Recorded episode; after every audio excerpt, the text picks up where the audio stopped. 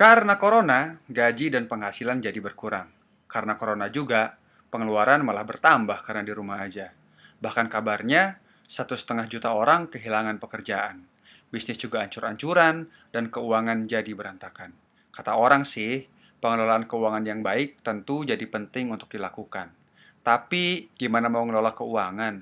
Uangnya aja nggak ada karena baru dirumahkan. Bareng-bareng di sini, yuk kita obrolin dulu aja. Siapa tahu kamu bisa dapat solusi untuk permasalahan uang kita.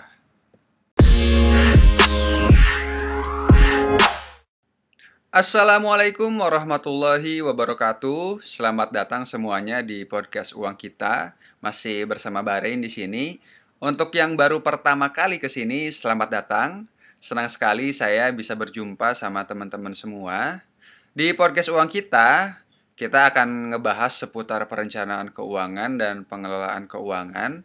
Terus kita juga akan bahas tentang produk keuangan dan juga kita akan bahas tentang hal-hal lainnya yang berhubungan dengan pengelolaan dan perencanaan keuangan. Oh ya, untuk yang belum kenal sama saya, perkenalkan nama saya Bahrain.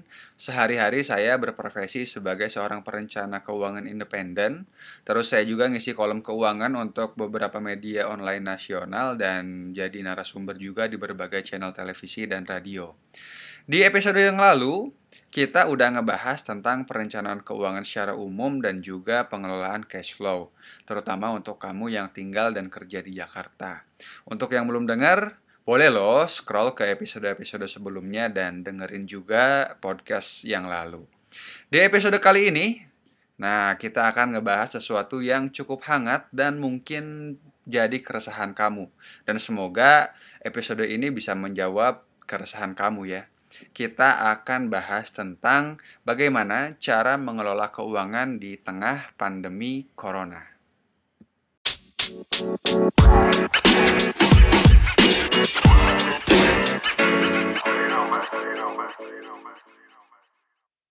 Seperti yang kita tahu, atau beberapa dari kamu mungkin belum tahu, saat ini dunia sedang dilanda sebuah wabah yang bernama Corona.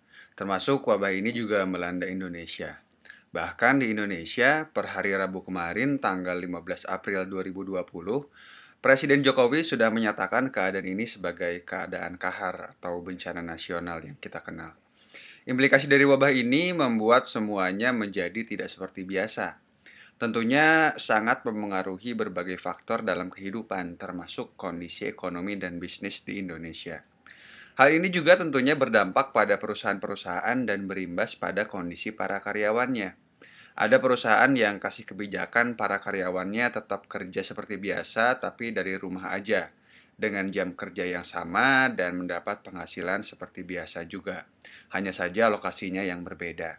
Ada juga perusahaan yang kasih kebijakan berupa perubahan lokasi dan jam kerja, disertai pengurangan gaji untuk karyawannya. Bahkan mungkin ada beberapa perusahaan yang tidak dapat menjalankan bisnisnya seperti biasa sehingga terpaksa merumahkan karyawannya. Saya dapat berita terbaru, saya lihat di tirto.id ini mereka menyajikan data dari Kementerian Ketenagakerjaan Kata berita tersebut, imbas pandemi corona ini membuat lebih dari 1,5 juta orang kehilangan pekerjaan.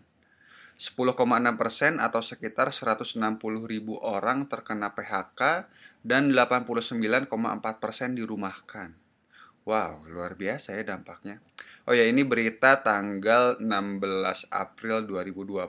Semoga nggak semakin bertambah ya dan ekonomi dapat baik-baik saja atau setidaknya untuk saat ini dapat bertahan terlebih dahulu dan ke depannya bisa rebound dan menjadi lebih baik lagi. Kalau kita ngomongin pekerja, jangan lupakan juga para pekerja harian, mereka yang berprofesi sebagai ojek online, terus ada lagi pengajar PAUD, terus ada juga guru honorer. Bahkan saya jadi teringat sama tukang roti bakar yang suka mangkal depan SD dekat kantor.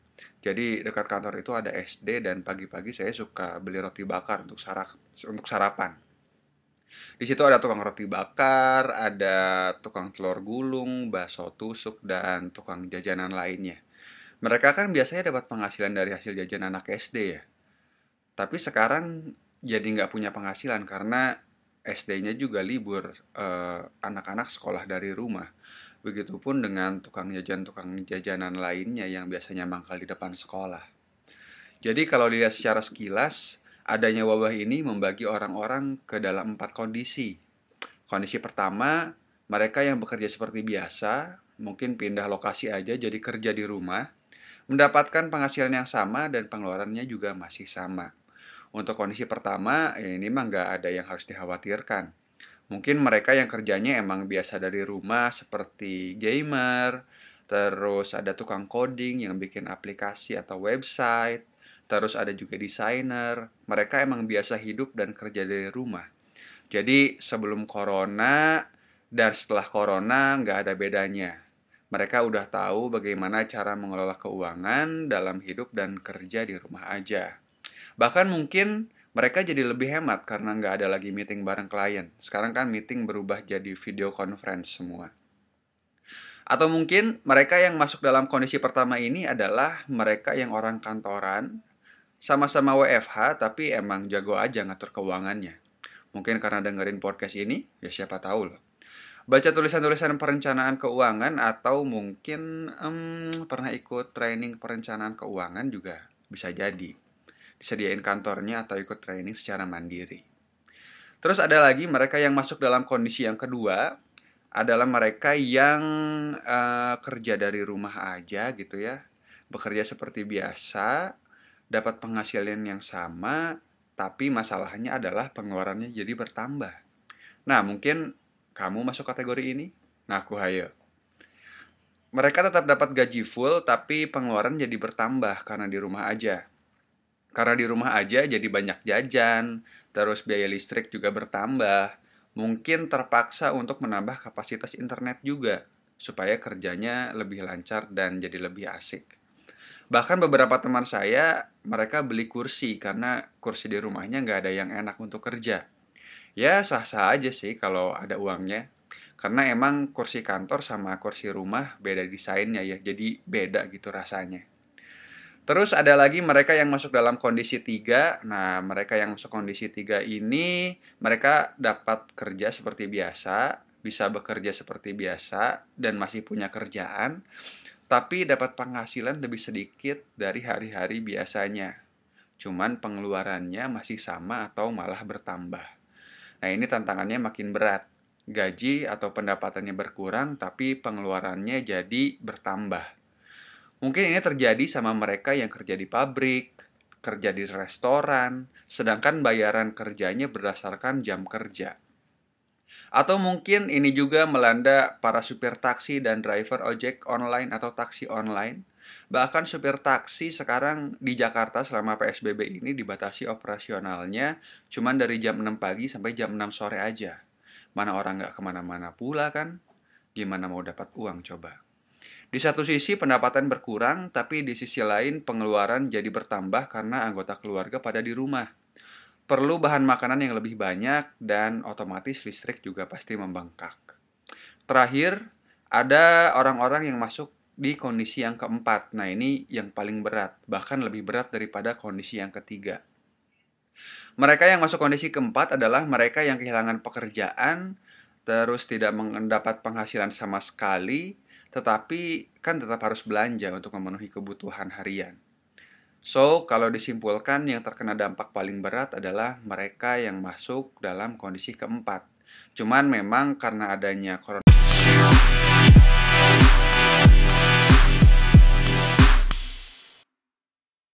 Tadi kita udah ngebahas tentang dampak corona pada kondisi ekonomi perorangan dan bahkan kita juga udah bagi jadi beberapa kondisi. Ada empat kondisi ya. Mulai dari yang paling ringan sampai dengan yang paling berat.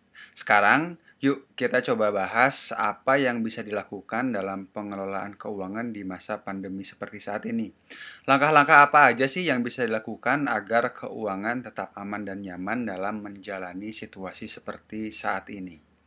Kita mulai dari langkah yang pertama, kita bisa melakukan yang namanya recalculate dan adjustment budget. Artinya kamu menghitung ulang budget bulanan karena dengan adanya pandemi seperti saat ini semuanya berubah. Terutama untuk teman-teman yang WFH, budget transport otomatis berkurang. Nggak ada lagi cari-cari diskonan untuk ojek online atau taksi online.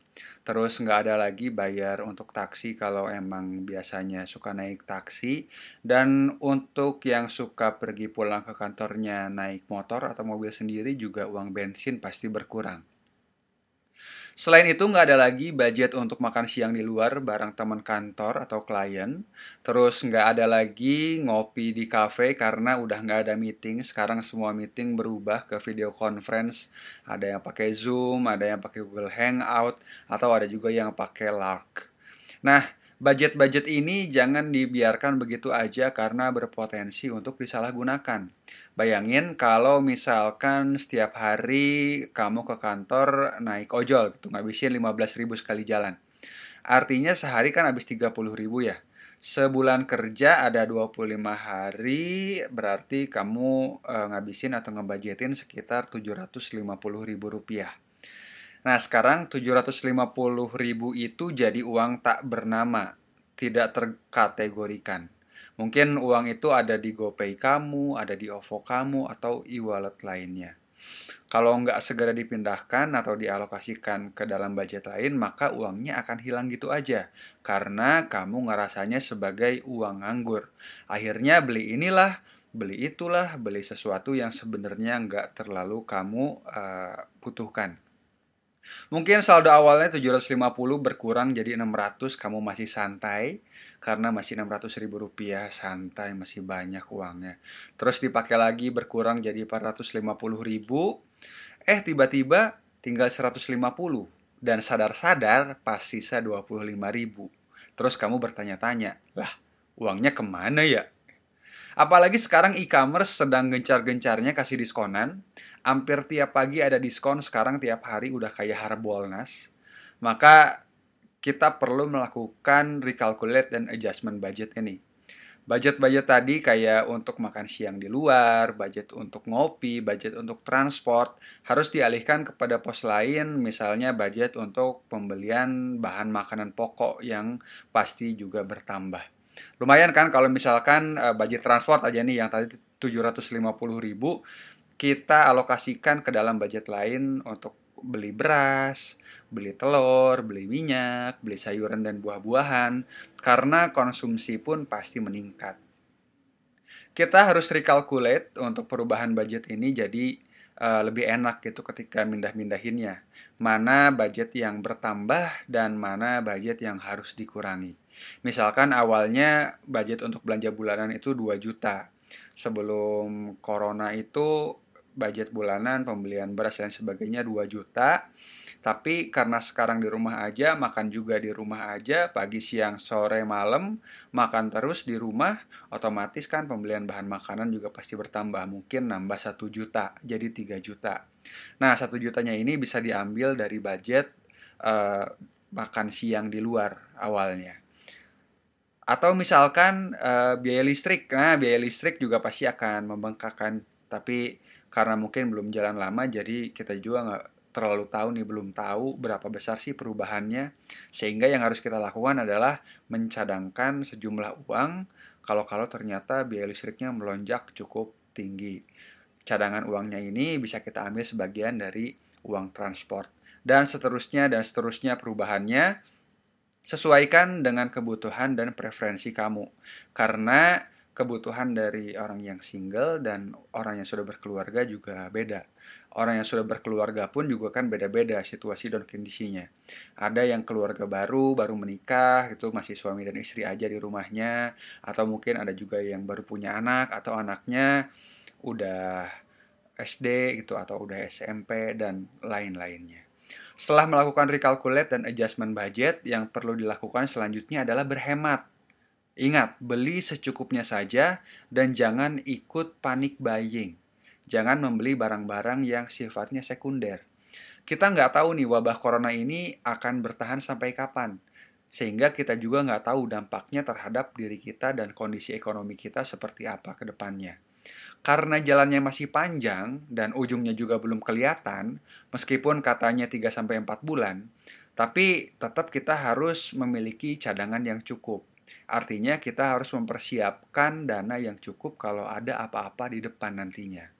Sehingga berhemat menjadi sebuah hal yang penting untuk kemudian dananya setelah kita berhemat tadi itu dialokasikan ke dalam dana darurat.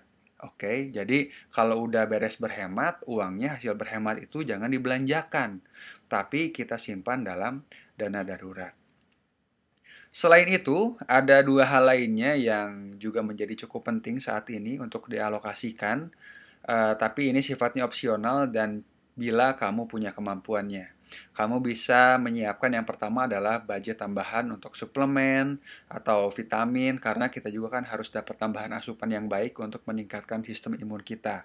Dan yang kedua adalah kamu juga bisa siapkan budget yang sifatnya sosial untuk membantu para pekerja harian apalagi mereka yang uh, terpaksa dirumahkan gitu ya, atau terkena PHK sehingga mereka juga menjadi uh, tidak memiliki kemampuan untuk menghidupi diri sendiri dan juga keluarga.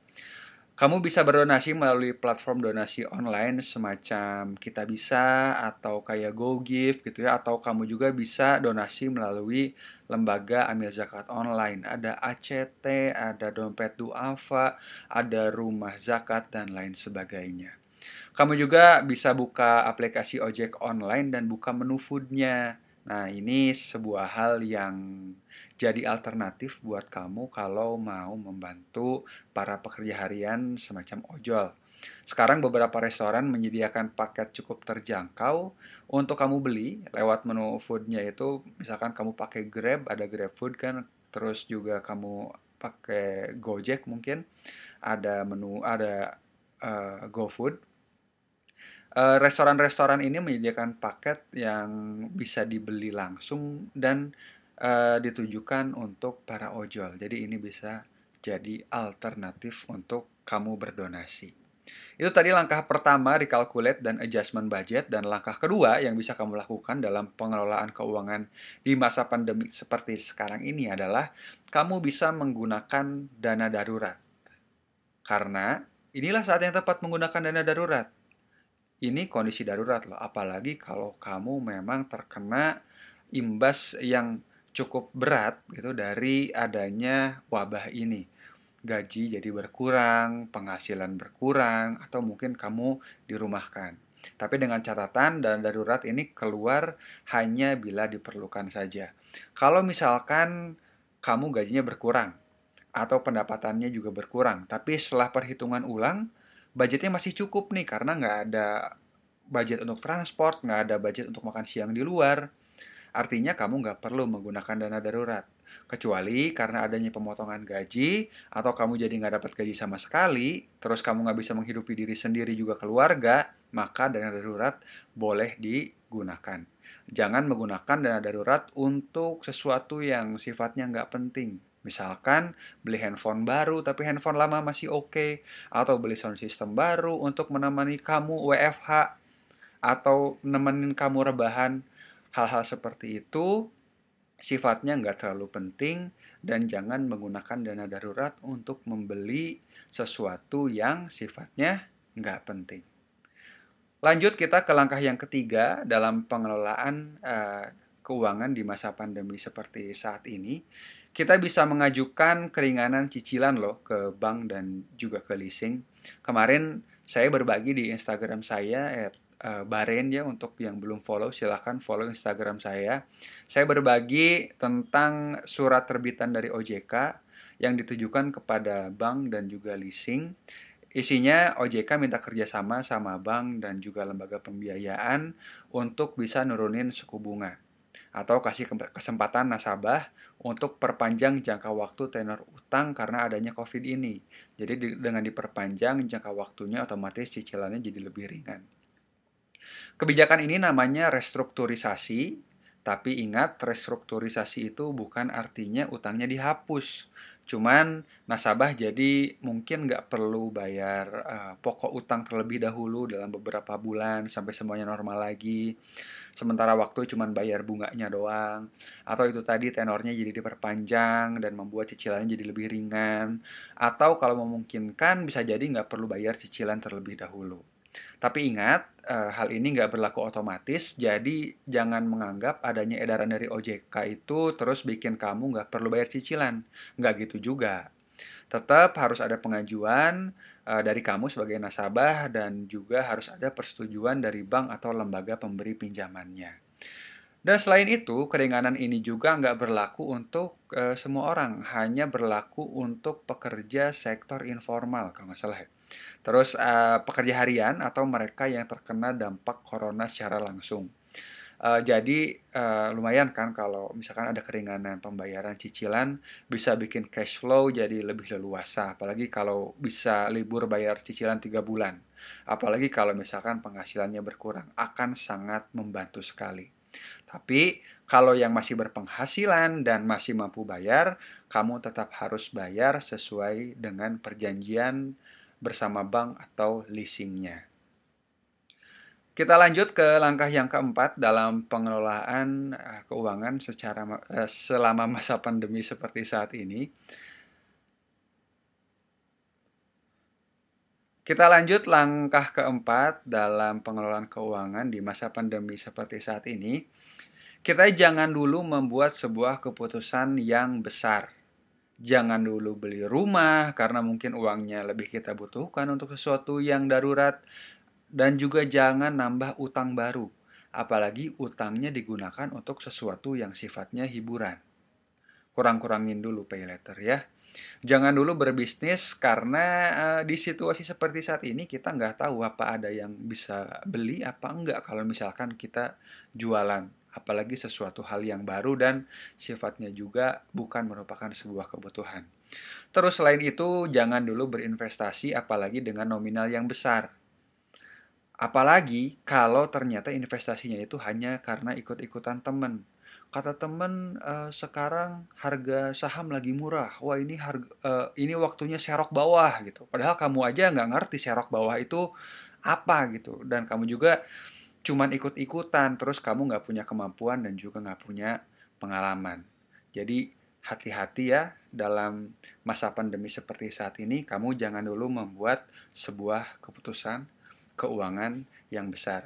Jadi itu tadi empat langkah yang bisa dilakukan dalam pengelolaan keuangan selama pandemi corona seperti saat ini. Yang pertama, kita bisa recalculate dan adjustment budget. Terus yang kedua, kita bisa gunakan dana darurat yang kita miliki. Terus yang ketiga, kita bisa mengajukan keringanan cicilan. Terus yang keempat, kamu jangan dulu membuat sebuah keputusan keuangan yang besar. Nah, setelah dengerin empat langkah tadi, gimana? Gimana? Mudah kan? Pengelolaan keuangan di masa pandemi ini kuncinya asal ada keinginan untuk mengubah dan juga kamu recalculate dan adjustment budget. Langkah pertama tadi akan sangat menentukan kesuksesan keuangan kamu uh, dalam mengelola keuangan di masa pandemi seperti saat ini.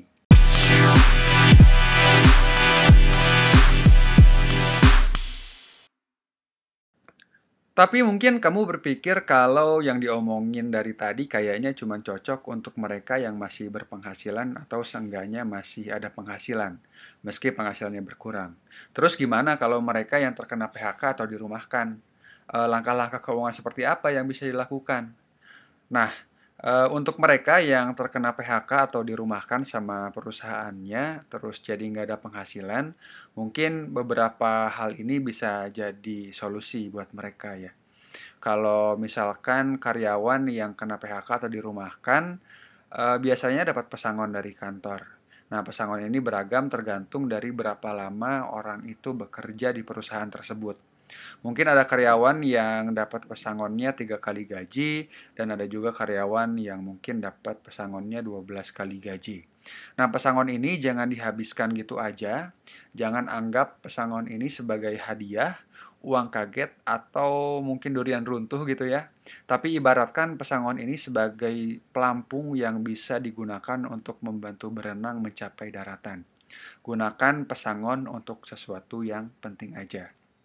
Terus, setelah menggunakan pesangon dengan baik, eh, beruntunglah kalau misalkan saat ini punya dana darurat. Karena salah satu kondisi darurat adalah di PHK. Kamu yang terkena PHK atau dirumahkan bisa menggunakan dana darurat. Tapi gunakan dana darurat sebaik-baiknya, artinya hanya gunakan dana darurat untuk memenuhi kebutuhan hidup sehari-hari saja. Oleh karenanya, penting banget nih untuk kita sekarang memiliki dana darurat karena kita nggak tahu. Lagi-lagi kita nggak tahu ke depannya ini akan seperti apa dan dampaknya kepada kita seperti apa. Beruntung kalau kita sekarang masih punya pekerjaan. Kalau misalkan ternyata uh, bulan depan kita nggak tahu apakah perusahaan ini masih berjalan atau enggak, kalau ternyata terpaksa kita dirumahkan atau di PHK, terus nggak dapat penghasilan lagi, terus kita nggak punya dana darurat, mau gimana coba?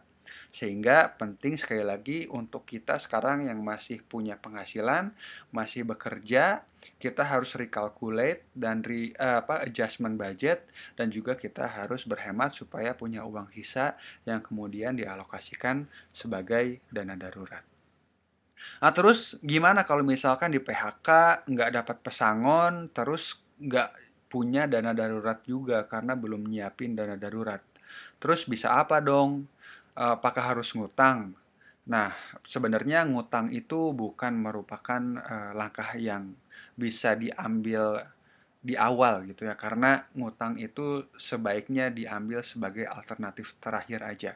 Kalau misalkan sekarang kita masih punya barang-barang yang bernilai gitu ya, mungkin biasanya kita punya barang-barang bernilai yang di rumah aja nggak kepake nganggur barangnya bisa jadi sepeda atau alat-alat lain yang sebenarnya masih ada nilainya bisa kita jual melalui berbagai macam platform gitu ya. ada Tokopedia sekarang terus ada Bukalapak bisa kita jual di situ. Bahkan sepatu pun bisa kita jual di situ. Jadi kalau bisa jangan dulu ngutang. Atau misalkan ada barang yang punya nilainya lebih tinggi uh, kita bisa gadai. Nah, kita baru ngomongin tentang utang nih, tapi utang yang uh, lebih ringan ya. Karena utang uh, gadai ini merupakan kategori utang yang cicilannya terus uh, bunganya dan dendanya juga cukup ringan karena utangnya pakai jaminan, jaminannya adalah barang kita. Dengan gadai kita bisa dapat uang untuk melanjutkan hidup sambil nunggu kerjaan baru dan barangnya juga nggak pindah ke tangan orang lain. Barangnya tetap atas nama kita dan kita itu tadi punya uang untuk melanjutkan hidup sambil nunggu kerjaan baru.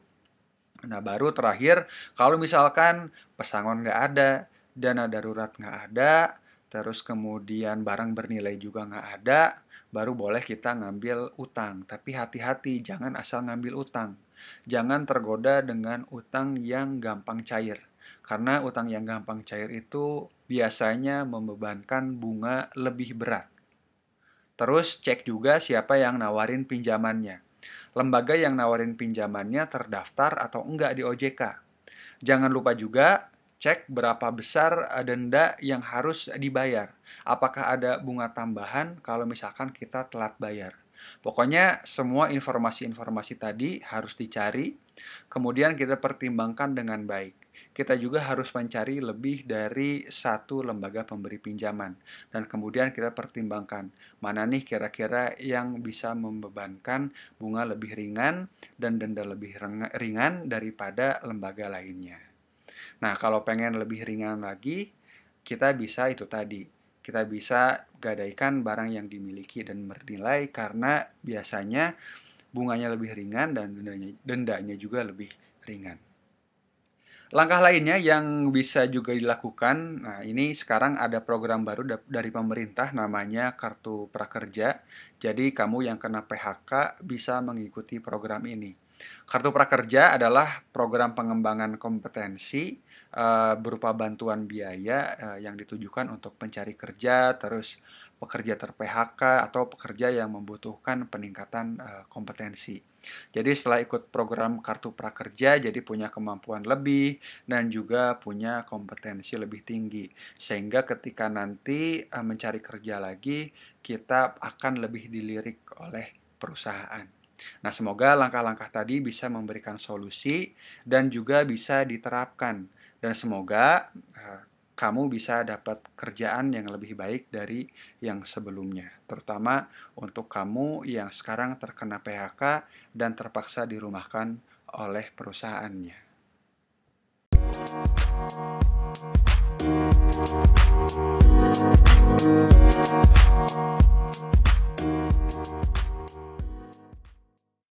Well, itu tadi pembahasan tentang pengelolaan keuangan di tengah pandemi corona seperti saat ini.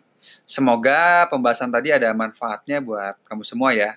Terima kasih udah ngedengerin podcast uang kita. Kamu boleh loh kalau mau share uh, ke teman-teman kamu tentang ilmu dan pengetahuan ini supaya kamu nggak tahu sendirian. Jadi kamu juga bisa menyelamatkan teman-teman kamu atau mungkin saudara kamu.